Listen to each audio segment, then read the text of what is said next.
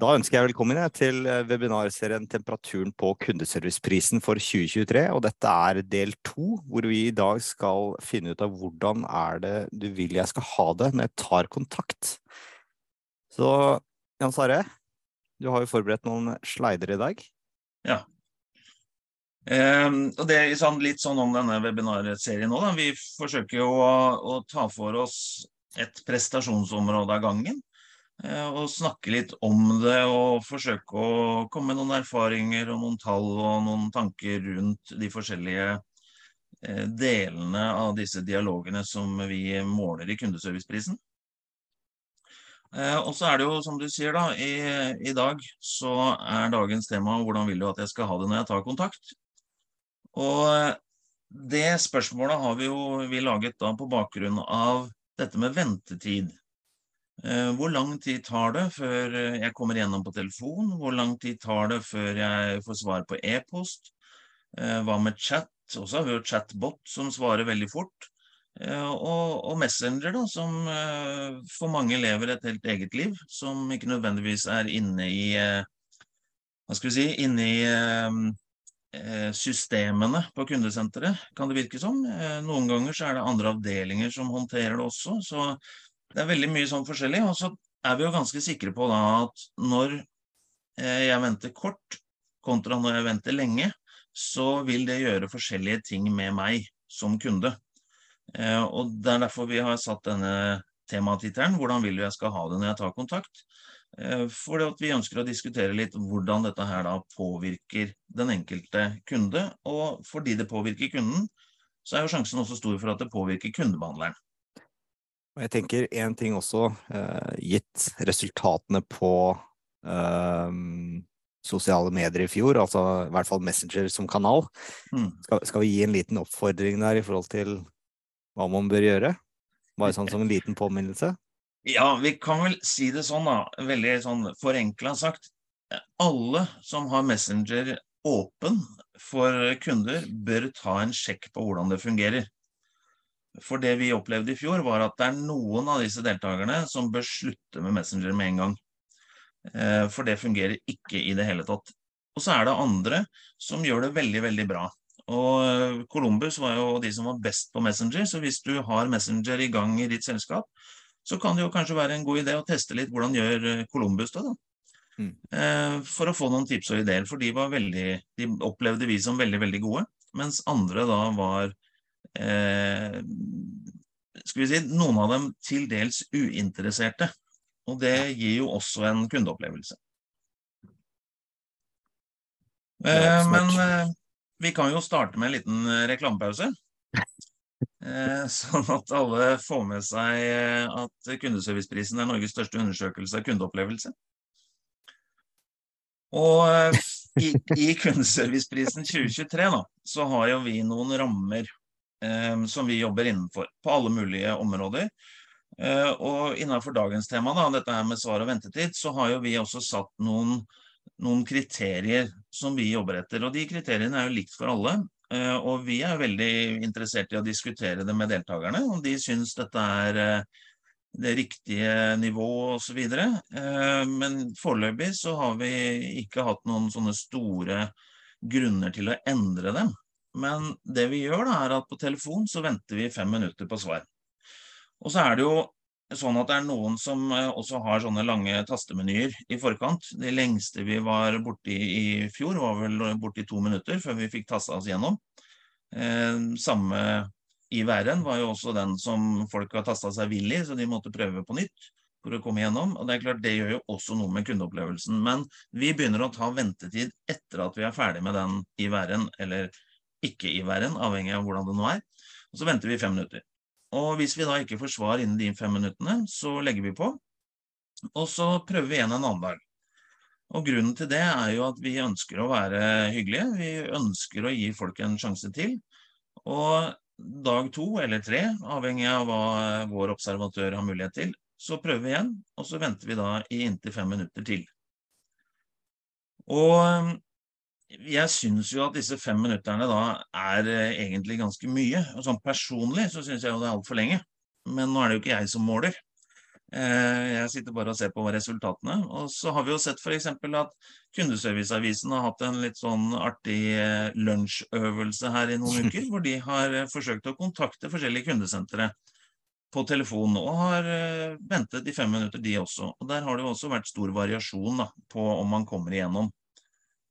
Det er da telefon, og så er det på e-post. Så sender vi alltid den e-posten på formiddagen mellom 9 og 12, for vi kontakter jo alle deltakerne mellom 9 og 15 på hverdager.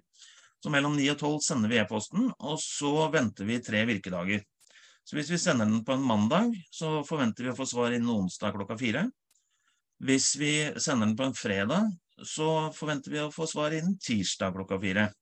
Så vi teller tre virkedager hele tiden. Og så hender det jo det er noen sånne helligdager og sånn, og de teller ikke som virkedager. Eh, og det tenker jeg jo også er eh, ganske lang tid å vente, da, avhengig av selvfølgelig hva man eh, sender i den e-posten. Eh, men det er også varierende da om deltakerne lykkes med å svare innenfor disse tre dagene. Eh, når vi så først har fått svar, så teller vi ikke tre virkedager lenger. Da skal det gjerne være en dialog. Og så er det jo, som jeg pleier å si, at e-post er jo egentlig ikke en dialog, det er en seriemonolog. Og det gjør jo også e-post til en veldig vanskelig kanal. fordi når jeg har sendt dette spørsmålet eller denne henvendelsen inn til et kundesenter, så driver jeg med masse annet. Og hvis det da går lang tid før jeg får svar, så kan jeg ha fått noen andre opplevelser. Jeg har fått noen innspill fra en nabo eller kompis eller et eller annet. Så jeg har jo ikke det samme mindsettet, muligens, som jeg hadde når jeg sendte e-posten. Og så sender jo kundebehandler har et svar. Eh, og så kanskje det tar litt tid da, før jeg får svart på den igjen. Og så er vi i gang da med at det skjer veldig mye mellom hver gang vi snakker med hverandre. Og på den måten da, så betyr det at e-post er en veldig sånn kronglete kommunikasjonsform, egentlig. Og det krever mye av de som leverer på et veldig høyt nivå på e-post. Og, og, jeg tror jo også at det kan være en god idé hvis man Eh, jeg har, når jeg har vært rundt i kundesenteret, så har jeg hørt om noen vanvittig lange sånne e-posttråder med svar fram og tilbake. Eh, og et eller annet sted når den begynner å bli lang, så kan det være lurt å kanskje ta en fot i bakken og se Kanskje vi skal ringe den kunden, sånn at vi mm. kan få orden på dette her istedenfor at vi snakker forbi hverandre gjennom å skrive. Det tar utrolig lang tid òg. Ikke sant? Ja. Bare, bare, kontra en to minutters samtale, hvor man kan ja, få løst veldig, veldig mye. Og, og den sånn e-posttråd den kan jo gå over flere uker, og, og hver e-post kan jo ta lang tid å skrive, mens man kanskje kunne som du sier, ha løst det på to minutter med en liten telefonsamtale. Mm. Så det tenker jeg er noe av det som kan løfte kundeopplevelsen. Og i kundeserviceprisen så har vi også lagt inn alternativer for de som har fått tildelt en e-posthenvendelse. At hvis de blir ringt opp, så Eh, krysser de av for det, og så er det telefonspørsmål de besvarer, og ikke e-postspørsmål. Ja. ja. jeg hørte faktisk med kundesenter for ja, det begynner å bli en stund siden, men, men de hadde faktisk en policy på at hvis ikke de så at de klarte å løse saken ved første eh, henvendelse i det kundesenteret din, hvis det var nei, her må vi spørre om mer, da plukker vi faktisk opp telefonen og ringer. Det, det mm. er så kostbart for oss å, å fortsette den å spørre om ting for å få mer informasjon fra kunden. Så, så det er jo det er noen som liksom har skjønt den ganske greit. Ja, og så er det jo noen sånne fallgruver der òg, da. fordi hvis jeg som kunde velger å sende en e-post, så kan det jo være noen grunner til at jeg velger e-post, mm. og at jeg ikke ringer. Um, så, så, man skal være litt forsiktig da, eh, og litt nøye når man eh, kontakter den type kunder på telefonen som har sendt en e-post. Du skal kjenne vår... dine kunder, er det vel noen ting som heter? Ja. og i vår virkelighet da, så er det jo ikke sånn at de ikke vil ringe, for der får de jo tildelt den kontaktmåten til den deltakeren. Mm. Så de velger jo ikke det selv, og dermed så, så um, håndterer jo det på best mulig måte uansett. Mm. Og så er det jo dette med chat, da. Og vi har jo fem minutters ventetid på chat også. Og så gjør vi på samme måte som med telefon. Hvis vi ikke får svar innen de fem minuttene, så avslutter vi chatten, og så forsøker vi igjen en annen dag. Og så venter vi i fem minutter til. Og så har vi jo disse berømte chatbotene. Eh, og de fleste av de er jo veldig praktiske i den forstand at de svarer jo veldig fort. Og så er det jo litt sånn varierende hvordan de svarer. Eh, men det skal vi jo komme tilbake til i en annen episode. Mm. Eh, men her er det jo det samme, da, at, eh, at, vi gir deg en sjanse til. For det kan jo være at det har vært et eller annet spesielt den dagen. At det har blitt sendt ut noen feil fakturaer eller et eller annet som har skjedd, da, som gjør at det plutselig er mye trafikk den dagen. Eller at man har noen tekniske problemer. Det kan være mange sånne ting som vi forsøker da å gi en sjanse til. Eh, og Det samme gjelder også på Messenger, men der Messenger fungerer jo litt sånn annerledes da enn en chat. Og, og, Derfor har vi valgt å vente i en halvtime på Messenger. Og så går det jo ikke an å, å avslutte Messenger. Den henvendelsen ligger jo der. Eh, og så er det jo ikke alltid da at man får svar innen de 30 minuttene. Eh, så da avslutter vi da så godt vi kan, og så forsøker vi igjen senere en, en annen dag. Og da kan vi jo også ha fått svar i mellomtiden, da, mellom første og andre forsøk, fordi den jo ligger der. Mm. Eh, så dermed så kan man også få noen små poeng for å besvare imellom. Og hvis vi da ikke får svar innen de andre 30 minuttene, så er det jo ikke svar. Ak og akkurat som ikke svar på e-post etter tre eh, virkedager, eller chat to ganger fem minutter, eller telefon to ganger fem minutter. Mm. Og da ender jo den henvendelsen med null i score hos oss. Og det er klart, Jo flere av de du har, jo dårligere blir totalresultatet ditt. Ja, og du er jo inne på det, det ender opp i null i score. Eh, ja. Men det er jo sånn at dette teller jo 5% av totalen. Eh, og det, det, er jo eh, fordelaktig med tanke på hva dere egentlig, hva dere egentlig måler. Men, men, jeg bare tenkte på eh, hva Får jeg bedre score hvis jeg svarer på tre minutter kontra fire minutter på telefonen, f.eks.? Ja. ja. Så det er en vekting der også. Ja, Så skal ikke jeg mm. avsløre akkurat hvilken score som er på hvilket minutt, da, men jo lenger, tid, jo lenger, tid, det tar å svare, jo lavere poeng får du. Og Hvis, du, hvis vi tar telefonen som eksempel, da, hvis du svarer etter fire og et halvt minutt andre gang, så får du null i score på svar og ventetid. Ja. For da har du ikke akkurat imponert oss. Eh, men som du var inne på, det er da 5% av totalresultatet. Mm. Fordi da går det jo videre, for vi får jo svar. Eh, og Det betyr da at 95% av totalresultatet har du fortsatt å jobbe for. Så det starta kanskje litt dårlig, men du har i hvert fall muligheten til å imponere resten mm. av den dialogen. For det er jo som du sier at det er jo kundebehandleren vi ønsker å løfte fram. Ehm, vi har jo en visjon om at vi skal være en pådriver for enda bedre kundeopplevelser. Og det, det handler jo om ehm, kundebehandlerne. Og så handler det jo også om dette her med svar og ventetid. Mm. Det er klart, Hvis jeg må vente, som vi jo opplevde i, i fjor, da. Eh, da var det noen utfordringer med strøm, det var noen utfordringer med korona. Det var litt sånn forskjellige ting som skjedde, og det så jo vi veldig tydelig i resultatene. Eh, når vi da fikk et veldig stort antall, eller en veldig stor andel ikke-svar når vi kontakta deltakere i energiklassen, altså strømselskaper. Eh, særlig i desember og litt utover i januar. Og så så vi jo i februar, når Norge åpna opp, at reiseselskaper plutselig ble vanskelig å få tak i, for da skulle nordmenn på tur. Mm. Eh, så alle sånne ting slår jo inn, da. Og noen av disse tingene er jo vanskelig å planlegge for, mens andre ting er, om ikke enkle, da, så er det i hvert fall lettere å forutse dem. For det med reiseselskapene, f.eks., de fikk jo en uke på seg fra staten fortalte at nå åpner vi opp til det smalt. Eh, og da, da, kan jeg jo forstå at det tar litt tid å få bemanna opp igjen et sånn skeleton crew, eh, ja. og opp til noe som kan fungere. Du ser hvor eh, er de kundebehandlerne våre? ja. Eh, og det er klart, Da har jeg stor forståelse for det. da, Mens hvis vi tenker på strøm, da, så, så begynte vi jo å snakke om, og det sto i aviser og var på TV og alt mulig, i sånn september-oktober, at strømprisen var på vei opp. Og da eh, tenker jeg at du har relativt god tid da, til å gjøre noe med bemanning og planlegging. Og så er det jo ikke dermed sagt at du eh, får det til, men da har du i hvert fall noe å jobbe med. Mm. Så alt dette her er jo noe av det som vi tror da påvirker den kundeopplevelsen. Og så tenker jeg at i, sånn, i en perfekt verden, da, hvis jeg ringer inn til et kundesenter, så vil jo Hvis jeg får svar med én gang på telefonen, så vil jo det være veldig positivt. Da er jeg jo veldig glad. Har, du har levert det lille ekstra som vi snakker om av og til. Du har levert over mine forventninger. Altså starter jeg den dialogen på et veldig bra sted. Mm. Og det gjør jo jobben til kundebehandleren litt lettere. Hvis jeg må vente en halvtime, så er jeg nok ikke på samme positive sted, da. Og det er jo litt det der vi tenker på i dag med med hvordan du vil at jeg skal ha det når jeg tar kontakt. Da. For hvordan påvirker dette med venting oss egentlig? Uh, og det, for min egen del i hvert fall, da, så, så, er det jo ofte sånn at jeg kontakter et kundesenter når jeg har tid. Uh, og det betyr jo ikke nødvendigvis at det kundesenteret har tid. Og, og Derfor så syns jeg jo den undersøkelsen, eh, hvis vi skal kalle det det, da, som Kundeserviceavisen har hatt på, Mhm. På dette her med å ringe i lunsjen, den syns jeg er veldig spennende. For jeg vet jo det er noen kundesentre som har stengt i lunsjen. Og, og det, det er jo Ja, det, det, som er litt interessant med det, er jo den derre det er jo gjerne da det er størst pågang for de som har åpent. Mm. det er jo noe variasjon i det, selvfølgelig, men, men det er jo det, det, det, her er jo så viktig med tanke på liksom hvor stor motivasjon har jeg for faktisk å få saken min løst, kontra å flytte businessen min over til noen andre. Det, Ja. det er jo det det faller ned på i bunn og grunn. Hvis Og man ikke du- klarer å jobbe strategisk på å være tilgjengelig.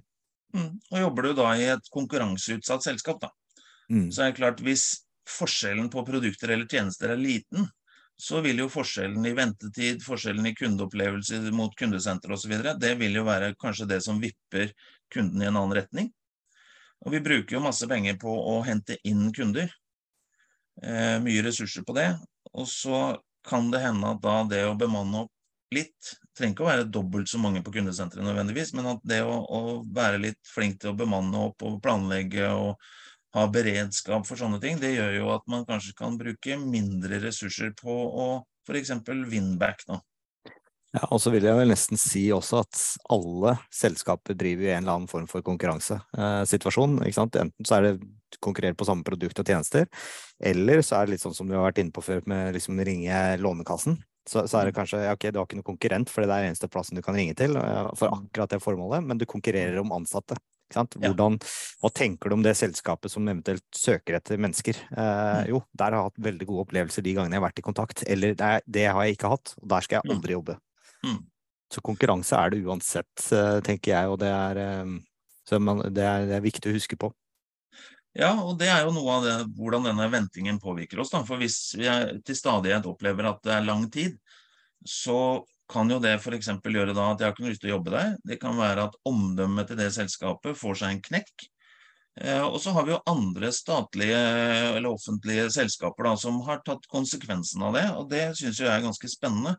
Sånn som f.eks. Vinmonopolets butikker. da Mm.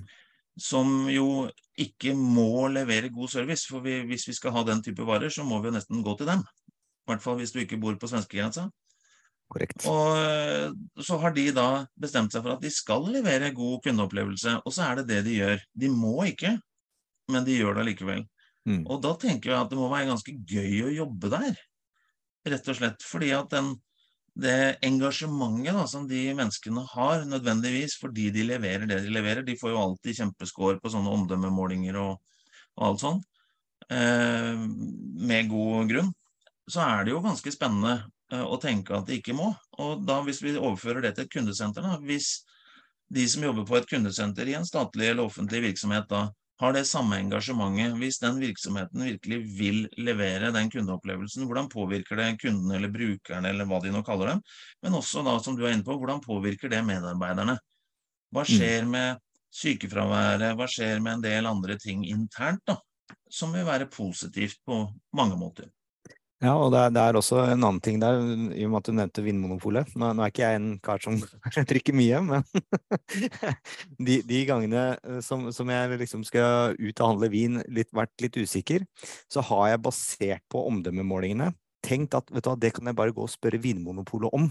Mm. Så, så, så det er med på en mye større altså det, det skaper en mye større verdi da, Mm. utover det å faktisk levere servicen der og da. Men det skaper også den der med at folk blir mer observant på at jo, vi er faktisk ganske gode på å gi deg råd når du er på besøk hos oss.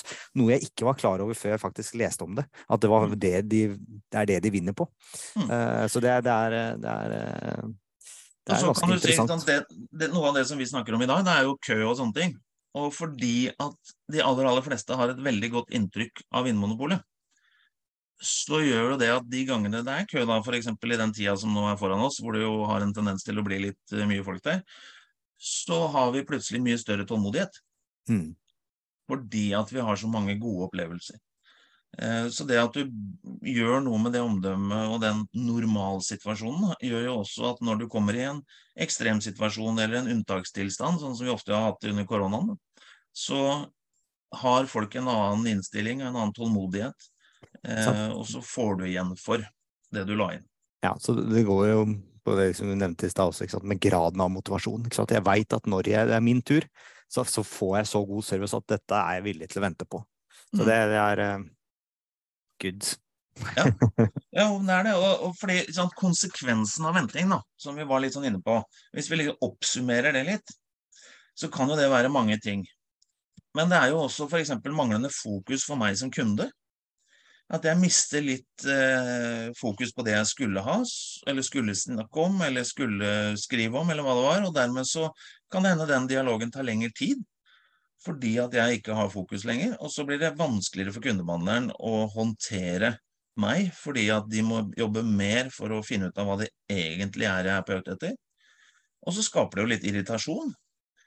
Og det med tålmodighet er jo veldig veldig forskjellig. Det, det ser vi jo i trafikken f.eks. når det er kø så er det jo noen som er helt rolig, som skjærer på tunet, og så er det noen som eh, ikke er det. Som er en helt annen dimensjon. Og den irritasjonen også påvirker selvfølgelig kundene. Det påvirker kundebehandleren. Og så er det jo stress, da. sånn hvis vi tar den undersøkelsen til Kundeserviceavisen igjen, da. Hvis du har lunsjen til å kontakte et kundesenter, så har du jo begrensa med tid. Fordi du har en mm. jobb hvor du f.eks. ikke kan ringe eller chatte eller hva det er da, Eh, i arbeidstida sånn sett. da. Og dermed så blir det jo stress, da, fordi du skulle ha spist den lunsjen, og du må rekke neste møte, eller hvis du er lærer f.eks., så har du en time med noen elever, så du, liksom, du, har en grense, og det gjør jo noe med stressnivået ditt. Og hvis du da må forsøke igjen lunsj etter lunsj etter lunsj og opplever det samme, så vil jo det påvirke deg i stor grad. Og så har du jo det med dobbeltkø. For hvis vi tenker f.eks. e-post, altså jeg sender inn en e-post fordi jeg har en sånn jobb så jeg har ikke så mye tid til å kontakte kundesenteret. Og så sender jeg inn en e-post, og så går det for meg da for lang tid før jeg får svar. Så kanskje jeg prøver å ringe inn, eller begynner å chatte. Og så kommer jo neste problem, for jeg ligger jo fortsatt i e-postkøen. Og så har jeg kommet inn i telefonkøen også, og så får jeg kanskje svar der, da. Og så har jeg fått svar på det jeg trenger, men hva gjør vi da med den e-posten jeg har sendt inn? Og klarer vi å koble sammen den, eller får jeg da et nytt svar på den, som ikke nødvendigvis er det samme? Og så skaper det noe sånn forvirring eller noe usikkerhet hos meg, og så kontakter jeg igjen. Så det skjer noen sånne følgefeil, da. Kan også, gjøre. Også, og så hadde du et veldig godt eksempel i fjor, men jeg husker, hvor eller du fortalte meg i hvert fall en gang, hvor, hvor, hvor, en kunde da sitter både på chatten og telefon og finner ut mm. hvor er det jeg får raskest svar. Som ja. en, det skaper igjen køer. ikke sant? Ja. unødvendig kø, for det er samme person på to forskjellige kanaler, og begge de er sanntidskanaler. Ja, det, det var sånn... en kundebehandler som fortalte meg at dagen før eller den dagen eller noe, så, de, så, han, så tok han en telefon, og når han tar den telefonen, så sier kunden bare et øyeblikk, jeg skal bare avslutte chatten her. Mm. Eh, og det er klart, Da har jo det blinka fælt i alle disse skjermene man har og sånn ofte på kundesenteret. Med at det, det, er mye kø, og så er det kanskje da flere kunder som gjør dette her. da, Så har du egentlig dobbeltkø, og du har noen som har hoppa fram og tilbake i kanaler. Så det blir mye rot som skaper unødvendig press på kundebehandlerne. Mm. Og så har du selvfølgelig de da som har denne lunsjen som den eneste muligheten de har, og så får de ikke svar innen den, og da blir det et avbrudd. da. Da får du jo ikke besvarte henvendelser mm. eh, som du kanskje egentlig ikke burde hatt. Og så er jo det negativt. Så det er noen sånne ting som skjer da, underveis når man ikke helt har kontroll på dette her med svar og ventetid. Korrekt. Og hvis vi hopper litt sånn videre, da, eller eh, chunker ned litt, så kan vi da si at for kunden, da, for det er jo ofte sånn at selskaper sier at de er kundefokusert osv. Og, så og så er det jo noen ganger jeg lurer på hva de lærte om det uttrykket, men det er også andre ganger hvor jeg opplever at det er sånn. Og det er særlig når jeg er kunde, da, i hvert fall, så er det jo særlig de selskapene som viser en tydelig interesse for meg. Og som jeg opplever at er opptatt av meg og mitt og hvilke behov jeg har osv det er jo de selskapene som jeg personlig i hvert fall syns det er mest hyggelig å bruke penger hos, for det er jo ofte det det er snakk om. Men hvis vi da sier at vi har lang kø, vi har mye ventetid, og så kan det være mange forskjellige gode og mindre gode grunner til det, men vi har nå det. For en kunde da, så kan jo de oppleve at er det ingen til stede? Og hva betyr det da, hvis det er viktig hvis dette her er noe som brenner hvis vi tar sånn, Nå er det jo inflasjon, og det er bensinpriser og strømpriser og matvarepriser og all verden går opp. Hvis jeg da har fått en stor regning og lurer på liksom, nå er det jo snart jul, så har jeg kanskje problemer med økonomien, og så får jeg en stor strømregning eller et eller annet sånn. Eller jeg sliter litt med å betale lånet mitt på huset, og så kontakter jeg det selskapet som jeg nå da har fått en regning fra, og så får jeg ikke svar. Så gjør jo det noe med den usikkerheten og den fortvilelsen kanskje som jeg allerede har, da. Har de ikke noe interesse for meg? Er de ikke der for meg? Eh, er det joblingen der? Og så videre. Og så kan jeg jo andre, hvis det ikke er like blodig alvor, da, så kan det være at jeg bare får kjenne på den utålmodigheten. At jeg liksom blir litt frustrert, og så forteller jeg til kolleger eller venner at øh, det selskapet der, og så videre. Og så går det over i irritasjon.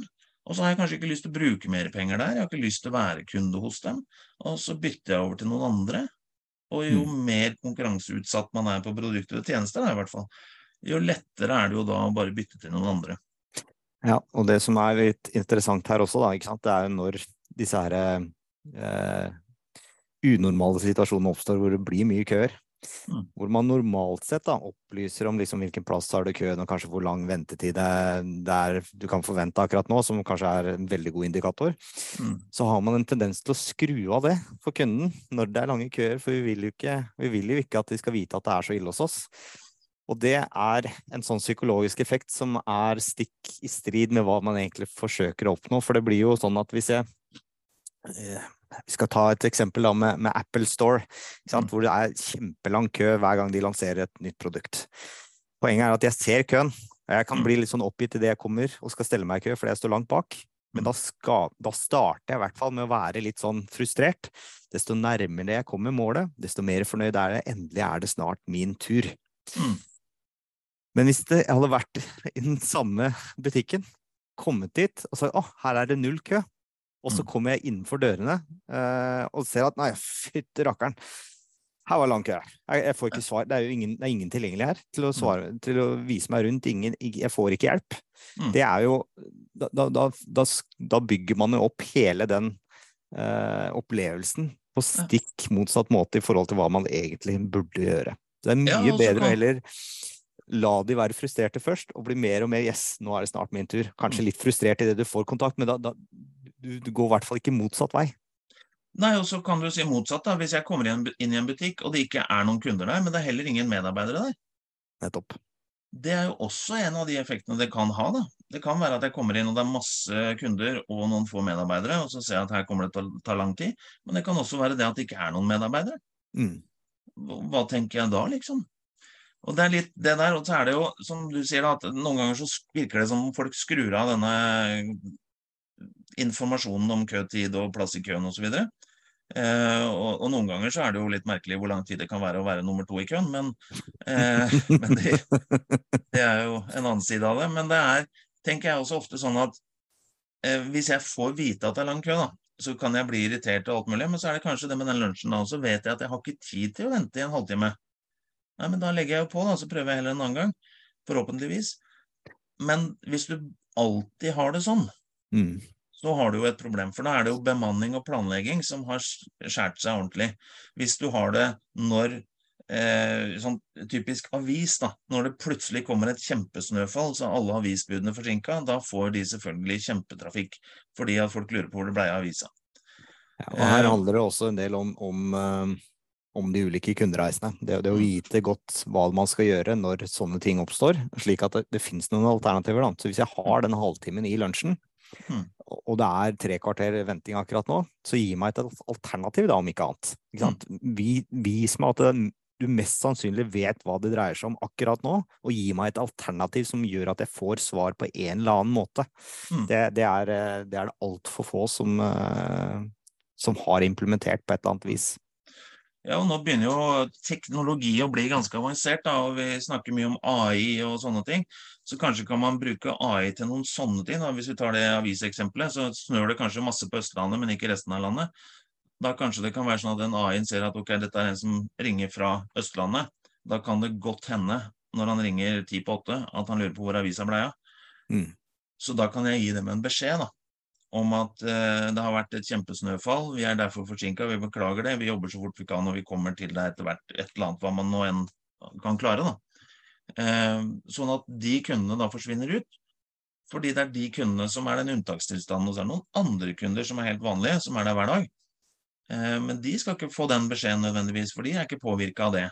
Mm. Så kanskje kan man bruke AI til sånne ting også, da.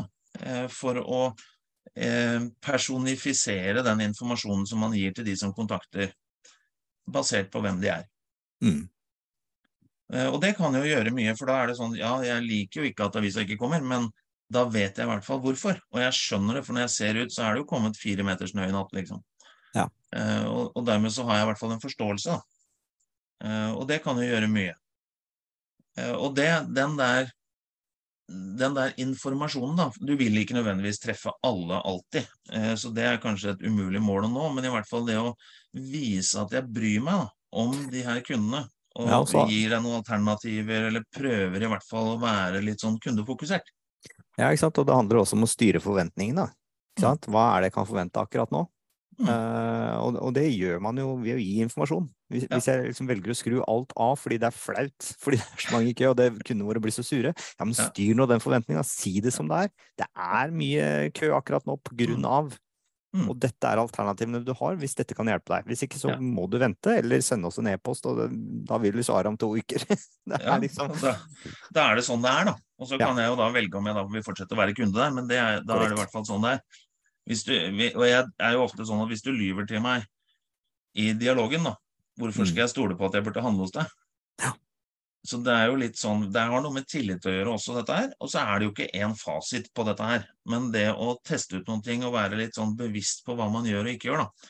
eh, Og forsøke å finne gode løsninger i sin virkelighet, det tror jeg er eh, vesentlig. Og så er det jo det her med AI, da. Kanskje vi skal bruke litt fokus på å få AI til å hjelpe oss med sånne ting. Kanskje vi til og med kunne proaktivt sendt ut en, en SMS f.eks. til kunder som er eh, berørt, Berørt. av at bredbåndet faller ned eller avisa ikke kommer, eller, eller hva det nå enn er. da. Sånn at vi er litt proaktive og forteller dem at vi vet at det er et problem, så slipper jeg å ringe inn. Ja, det er jo liksom sånn i snitt, da. La oss si man eh, Det koster rundt eh, hundrelappen per interaksjon som, Mm. som er på kundesenteret. Mm. Eh, så, så er det klart at kan du være proaktiv da og sende ut en SMS som koster deg 50 øre, så, så er den eh, investeringen, den ROI-en som du får fra investeringen med å implementere sånne ting, den, den kommer kjapt tilbake. eh, og betaler den ganske raskt. Ja, Og så får du jo et helt annet inntrykk ute hos kundene. da. Korrekt. Fordi de opplever at du er viktig for dem. De er der for deg. Og så gjør jo det noe med mitt etterlatte inntrykk. Korrekt. Og så er jo da kundeserviceprisen, den, der er, ønsker vi jo å løfte fram disse kundebehandlerne. Så for meg så er jo en, kundens opplevelse én ting, men den, den kundebehandleren, da, hva skjer der? Den, det blinker i røde lamper, og det, de tallene på den der skjermen som henger på veggen, de er helt sjukt svære. Og da kan jeg sitte der og tenke uff, jeg henger ikke med, jeg får det ikke til, jeg lykkes ikke, og kundene er sure. og Jeg har en kunde nå som jeg prater med, men den må jeg bare få unna fort, for jeg må ta av den køen. Det blir jo eh, skuldrene opp under øra. Eh, Og det skjer noen ting da, med meg. For jeg opplever dette her én dag, jeg opplever det to dager. Og når jeg liksom går på fjerde uka med dette her, så begynner jeg å bli ganske negativ til en del i det selskapet som jeg jobber. Og så opplever jeg også ikke lykkes, for jeg kommer jo aldri dit hvor jeg kommer ovenpå, så jeg er alltid på etterskudd. Det er alltid lett å se at jeg ikke får til jobben min. Og der vil jeg nesten si at der kan man faktisk gjøre det man ikke bør gjøre for kundesiden. Og det er eh, å egentlig skru av den skjermen. Ja. Fordi det, dette her dreier seg ikke om Dette er jo ikke kundebehandlerens feil. Det er ingenting kundebehandleren kan gjøre med de køene utover å gjøre jobben sin og være på jobb når han skal være på jobb. Mm. Og selvfølgelig med den, gitt den opplæringen du har fått. Um, når det kommer til disse køene som, som, er på disse tavlene, og det er en unntakstilstand. Uh, det bør ikke være en normaltilstand, det bør være en unntakstilstand. Så er det nesten like greit å bare slå de tavlene av og si at vet du hva, gjør det du har blitt opplært til, Mm. og, og være innenfor tidsskjemaet som vi har satt opp for dagen, og så gjør vi vårt beste. Og det er alt vi får gjort. Ja.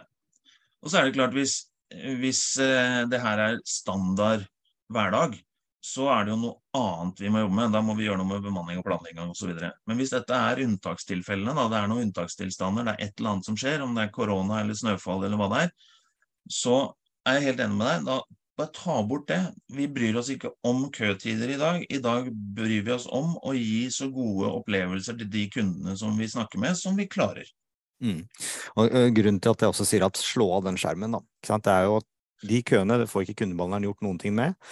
Annet enn at ved noen få eskaleringer må man følge med på tavlene med disse nøkkelparameterne, så er det jo da fornuftig å ha en sånn slags eskaleringsplan. Si at okay, hvis det er to eller flere kø, venta så og så lenge, da gjør vi disse tiltakene for å prøve å få redusert køen. Men når det kommer til unntakstilstand og det kommer 20-30 i kø, da spiller det ingen rolle hva du gjør. Fordi da er det plutselig problemet med bemanningen. Det er ikke nok folk, og er det ikke nok folk, så spiller det ingen rolle. Da, da, da kan man liksom si eneste tiltak vi kan gjøre da, er å gjøre vårt beste, og så, og så blir det som det blir. Ja, og Hvis vi tar og sammenligner det med snøfall, da. Hvis det snør 20 cm, så går det fint. Da klarer brøytebilen å få det unna. Men hvis det snør to meter, mm. så blir det problemer. Og, og, da må vi bare smøre oss med tålmodighet. Da. Da, da må de bare få lov å jobbe for å få den snøen vekk, for jeg kommer ikke fram uten dem hjelper ikke å ringe han brøytebilsjåføren og si at nå må du ta det litt kjappere, det er flere her som ikke kommer fram. Ja, ok, men jeg får bare gjort det jeg får gjort. Jeg har ikke kapasitet til ett menneske i den Det er noe der. Også, så tenker jeg jo sånn, vi, vi Ofte da i, i, selskaper så jobber vi med sånn medarbeidertilfredshetsundersøkelser, og det er jo sånn sett fint. Men hvorfor er de tilfredse? Er det fordi de har, opplever å ha masse autonomi, eller er det det at vi har så god kake på fredager, eller er det at kollegene er søte og snille, eller hva kommer den tilfredsheten av? Men det som egentlig er viktig her, er jo hvilket engasjement. Og Hvis vi går tilbake til Vinmonopolet sine butikker, da, det engasjementet som jeg opplever hos disse medarbeiderne der, det er jo det som er viktig. Det er jo det som gjør den forskjellen for meg som kunde. Mm. Og det tenker jeg også får seg en uh, liten smekk når, når, denne her eh, situasjonen da eskalerer og den blir der over tid. Så skjer det noe med engasjementet mitt som medarbeider. Og det kan jo medføre også sykefravær. Det kan medføre den nye ordet 'quiet quitting'. Uh, mm. Men det der engasjementet, det, det, tenker jeg er et viktig sånn måleparameter. da. Det er det, og jeg, jeg gravde fram litt statistikk her i går, da. Bare sånn for å liksom se hvor, hvor, viktig er det rundt akkurat dette med engasjement. Og det viser jo det at det er en kjempestor sammenheng mellom det å ha engasjerte ansatte og kundetilfredsheten. Mm. Og, og, som en, som en liksom sammenligning på det, så, så, er det jo sånn at etter hvert som du og jeg blir eldre, Sverre, så, så, er evnen vår til å tilegne oss ny informasjon den er dessverre litt lavere enn når vi var i vår ungdom. Og det har en sånn faktor på 52. Sammenhengen mellom engasjerte ansatte og kundetilfredshet har en sammenheng på 55 i en sånn eh, faktor. Det vil da si at det er en større sammenheng mellom engasjerte ansatte og kundetilfredshet enn det det er om det vi alle vet, om at vi er litt dårligere til å lære oss nye ting når vi blir eldre, og det er ganske interessant.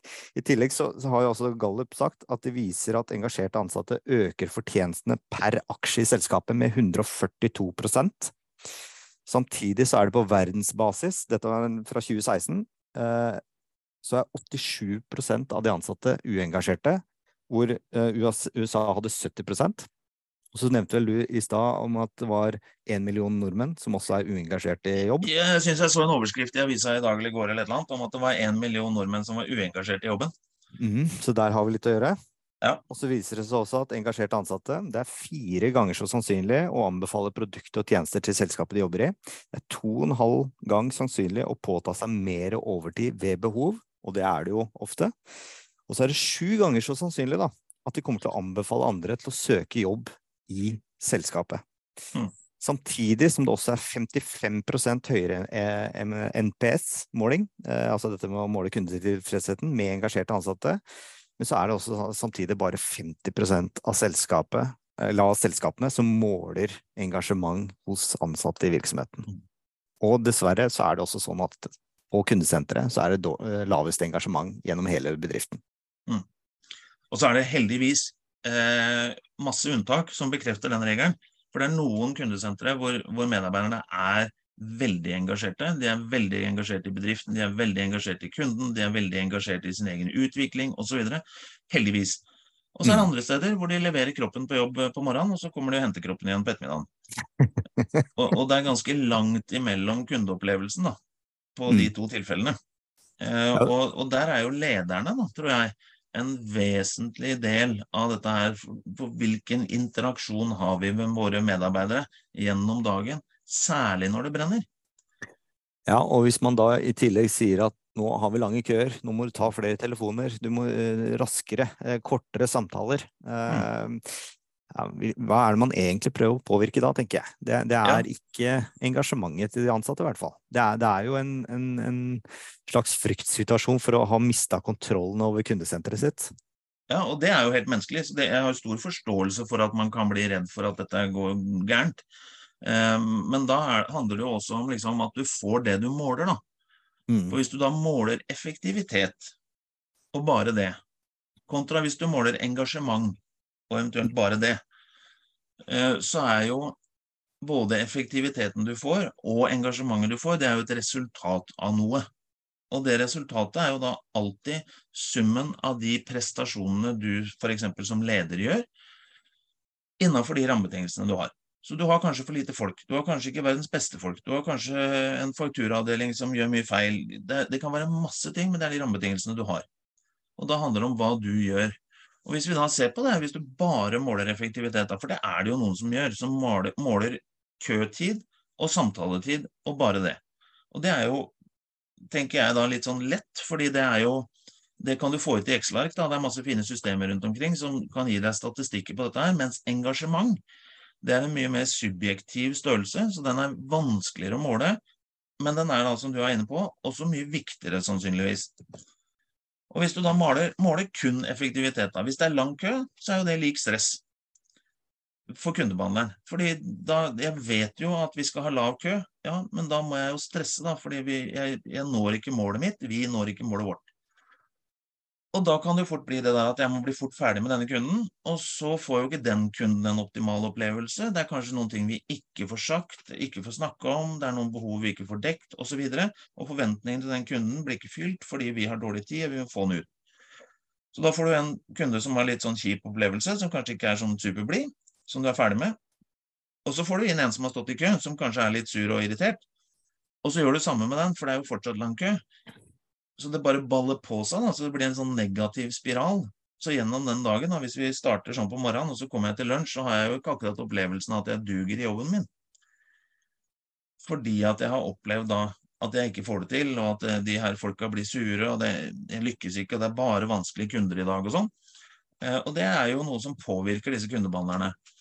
Og for kunden da, så blir det jo ikke optimalt mottak fordi vi er litt stressa, så vi prater kanskje fortere. Vi, vi, gjør ikke alle de tingene vi har avtalt at vi skal gjøre.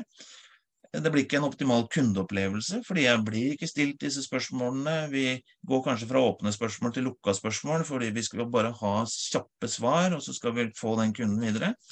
Og så blir det ikke en optimal avslutning heller, for jeg er kanskje ikke så interessert i, for jeg har ikke tid til å være interessert i om det var noe mer denne kunden lurte på, eller om det var noe mer av våre produkter og tjenester jeg burde ha snakket om som passer til, som gjør kundeopplevelsen bedre, eller hva det nå var. Det hadde der, jeg ikke tid til, så det ble der, borte. Og der kommer jo også det ironiske i det. Hva, hva, er resultatet av det? Jo, mm. mest sannsynlig så ringer kunden opp igjen. Ja. Som igjen skaper mer kø. ja, for da var det kanskje noe jeg ikke fikk med meg som kunde, som gjør at jeg får ikke til det jeg skulle, så jeg må ringe opp igjen og få forklaring på nytt. Altså da dobbel kø. Mm. Så det er masse sånne småting bare der. Og så for, Og det å være teamleder da, i en sånn setting, det blir jo helt vanvittig utfordrende. Fordi du, du som teamleder da, så er det en god ting å, å, fokusere på de tingene folk får til også. Og så justere på de som de ikke får til. Men når alle går rundt og tenker at de ikke får til noen ting, så blir jo dette her ganske utfordrende å finne gode ting. Da blir det litt sånn halvveis sånn at man bare står på bra kjempa, liksom som egentlig ikke handler om hva jeg som kundebehandler gjør. Og så er utviklingen min heller ikke på vei oppover. Jeg blir egentlig ikke bedre, jeg blir faktisk bare dårligere. Også mer mm. stressa osv. Og, så og så blir det kanskje høyere sykefravær. Og jeg har jo hørt om kundesentre med over 20 løpende sykefravær. Jeg òg. Og, og det er jo eh, hvordan kan du ha det, At du har det en uke eller to for, i forbindelse med korona, eller sånn, det er greit, det skjønner jeg. Men når du har det hver uke hele året rundt, uansett om det er korona eller ikke, så har du et problem. Og du må jo f.eks. rekruttere mer folk da, for å få fylt kundesenteret ditt. Ja. Du må ha liksom en ekstra per fem person for å sørge for å ha fullt senter, fordi det alltid er en borte. Ja, og du får jo, som du skriver der også, ikke sant? det er høyt sykefravær, så blir det også høyere turnover. Og ja. som jeg har vært inn på før òg, at det er jo nå, eh, både før, under og etter pandemien, så har det vært på globalt nivå, vel å merke, 42% turnover i kundesenteret. Mm. Noe lavere er det nok i Norge, men, men allikevel så er det jo eh, leste en statistikk her hvor det er normalt sett 10% turnover i en bedrift. Mm. I hvert fall sånn eh, snitt i Norge. Eh, så da en eller annen plass mellom 10 og 42 prosent eh, vil det antageligvis ligge på også her i, i Norge. Mm. Og da med de rekrutteringskostnadene som ligger da ifølge Teknisk Ukeblad på rundt en kvart million kroner, eh, med liksom alt i forhold til intervjuprosesser og, og opplæring og før liksom ansatte er fullt ut eh, operativ i sin stilling, så, så prater man om enorme, kall det slags skjulte kostnader som ikke Mm. kommer fram på noe budsjett utover at det var jævla dyrt å drive med kundeservice, da. Ja, og så er det jo sikkert masse variasjoner der også, men, men ikke sant, jo dårligere arbeidsmiljøet er da, fordi, ikke nødvendigvis mellom medarbeiderne, for det kan være godt for de tar vare Mm. på hverandre og er gode venner, men det rundt der igjen da, det er såpass dårlig, så pressende, så stressende eh, og så negativt, at det er lettere å gå et annet sted. Og dermed så koster det mye penger i rekruttering, det koster mye penger og ressurser i opplæring, og så får du ikke brukt de ressursene på oppfølging som du burde ha gjort, som hadde gjort at du hadde beholdt flere, du hadde hatt bedre medarbeidere som hadde gjort en bedre jobb og hadde hatt bedre opplevelse av å være der. Og til syvende og sist så går jo dette her utover kundene. Mm. Og så blir det kanskje bare enda lenger kø, fordi du har ikke mulighet. Og så er det, sier de nå om, om arbeidsmarkedet i Norge at det er vanskelig å rekruttere folk. Laveste Ja. arbeidsledighet siden 2008, så det er ikke Ja. det. Og da er det jo klart, da, da blir det jo enda dyrere å rekruttere nye, da. Så hva gjør vi da for å sørge for at vi ikke mister mer enn vi må? For noen vil alltid slutte når du har så mye folk. Men hvem er det da som vi kunne ha tatt vare på der? Hvordan kunne vi ha jobba med dem for å sørge for at de er der? Og så, jo flere av dem vi klarer å ta vare på, sånn at de er der lenger, jo mindre kø blir det kanskje, fordi at, ja. Så alt spiller inn, da, overfor Mm. hverandre. Jeg sier det er en i, i, i, av de deltakerne her nå som, som er her, som jeg veit har sagt at eh, vi, vi har folk til vi går av med pensjon. Så det er noen som får det til. Og det jo, det er, og det er jo kjempefint. Og da gjør jo de kanskje noe riktig. Og så er det kanskje noen rammebetingelser da, som er enklere hos dem enn hos andre kundesentre. Fordi rammebetingelsene er jo forskjellige avhengig av hvilken bransje du er i og alt mulig sånn. Men det handler jo om å, å se hele bildet, da, tror jeg. Og ikke bare måle effektivitet, f.eks., men Mm. også finne måter å måle kvalitet. Også få måter å jobbe med den enkelte medarbeider ofte, fordi som jeg har sagt mange, mange, mange ganger før, og kommer til å fortsette å si, disse kundebehandlerne har Norges tøffeste jobb. Det er så mange, et sted mellom 50 og 150 interaksjoner med kunder hver dag, hvor de har null tid til å forberede seg. Og hvis 90% av de kundene er sure fordi de har stått altfor lenge i kø, fordi de ikke fikk riktig informasjon før, osv., så, videre, så blir den jobben bare enda vanskeligere. Ja, Og du, du er jo inne på det, liksom, måle kvalitet. Uh, og det er egentlig en av de to tingene du kan måle på en kundebehandler. Det er kvaliteten i arbeidet de, de gjør. Altså gjør de det de har blitt opplært til. Og er jeg på jobb når jeg skal være på jobb? Altså sitter jeg i de ulike statusene, eller liksom gjør jeg den jobben jeg har blitt satt til å gjøre? eh, Mm. Eller kommer jeg fem minutter for seint? Kommer jeg fem minutter for seint inn på kundesenteret en morgen hvor kundene står og hamrer i køen? Det Mm. får så fatale konsekvenser. Så, så det og også gjøre opplæringen overfor kundebehandleren i forhold til den, den kraften av én, som eh, the power of one, som det heter på, Mm. på amerikansk eller engelsk, um, den er utrolig viktig, fordi det får så vanvittige konsekvenser hvis én til to kundebehandlere er, ikke er til stede med et minutt eller to, når, Mm. liksom dørene åpner eh, om morgenen eller rundt lunsjtider. Det er eh, helt avgjørende for å lykkes med å ha køene nede. Ja, jeg hadde jo eh, en gang en person i et kundesenter som eh, alltid kom for seint. Da endte det med at jeg kjøpte vekkerklokke til han. Og det var jo ikke det at han ikke hadde vekkerklokke, men den ble veldig tydelig for han at det her var ikke bra. Så, så etter det så kom jo ikke han for seint, da. Så, sant, det er, hvis det skjer noe som du ikke vil skal skje, så må du gjøre noe med det. Mm. Om det da er altfor lange køer, eller om det er eh, medarbeidere som ikke er engasjerte, eller hva det nå enn er, da, så må du gjøre noe med det. Og så må du forsøke, og i, i verste fall, da, så må du be om hjelp hos noen. Sånn at du kan sørge for å få den eh, butikken du fortjener, og at du får den butikken som folka dine fortjener. Mm. Var det en sånn fin avslutning på Jeg tenker det. at eh, Der, der var vi egentlig i mål. Ja. Og jeg tror jo det her har mye større innvirkning enn man kanskje tenker. da. Og, og, det å Noen ganger så går det ikke an å planlegge seg ut av det, andre ganger så gjør det det. Så lang kø er ikke lang kø. Det er mange forskjellige varianter av lang kø. Ja, og så, så, er det litt som vi har vært inne på, ikke sant. Å, planlegge for det basert på hva som har skjedd tidligere. Altså, vi har mm. vært i noen situasjoner før som gjør at uh, man, man, man, har noen situasjoner å spille på til, til uh, og, og, at det kan gjøres noe med i fremtiden. Mm. Så, så, bruk det, da. Ja. Det tenker jeg er en eh, god uh, oppsummering. Og i tillegg da, hvis du har et annet resultat enn det du ønsker, så må du gjøre noe annet enn det du gjør. Helt riktig. Så bra. Da har vi fått snakka litt om uh, hvordan vi tenker at denne kunden, brukeren, eller hva vi nå kaller det, skal ha det når vi får kontakt. Er det, det har jeg glemt å spørre om. Er det noen som har noen spørsmål, så er det muligheten nå til å stille oss det i forhold til køer, bemanning, hva enn det skal være. Vi tar det på strak arm, vi. Uh, Er det ikke noen som ønsker å ta det i plenum, så er det jo selvfølgelig bare å ta kontakt enten på LinkedIn eller som Jan Sverre har her, på både Facebook og LinkedIn. Eh, eller sende oss en melding, eller hva enn det måtte være. Så, så er jo vi behjelpelige med det, vi, Jan Sverre. Bra. Så um, det er jo en som har spurt her, da, eller skrevet her, den syns jeg egentlig var litt fin. Hjelpeløse ledere som er stresset, er litt mas på å ta flere telefoner, mangel på rett opplæring og tilstedeværelse av ledelse. Ja, helt enig. Mm. Uh, iPhone. Uh, det er uh, Det er veldig interessant hvor stor betydning ledere har for medarbeidernes engasjement, trivsel, hvordan de jobber, kvaliteten på det de gjør, effektiviteten osv. osv. Så, videre, så i min verden så er det jo sånn at hvis medarbeideren ikke gjør en god nok jobb, så er det lederen sin feil. Um, og da må den lederen få hjelp, da. For det er ikke lett å være leder. Det er ikke lett å være leder i et kundesenter. Det er, du skal ha de, tøffeste, de som har den tøffeste jobben i verden, skal du ha å være leder for.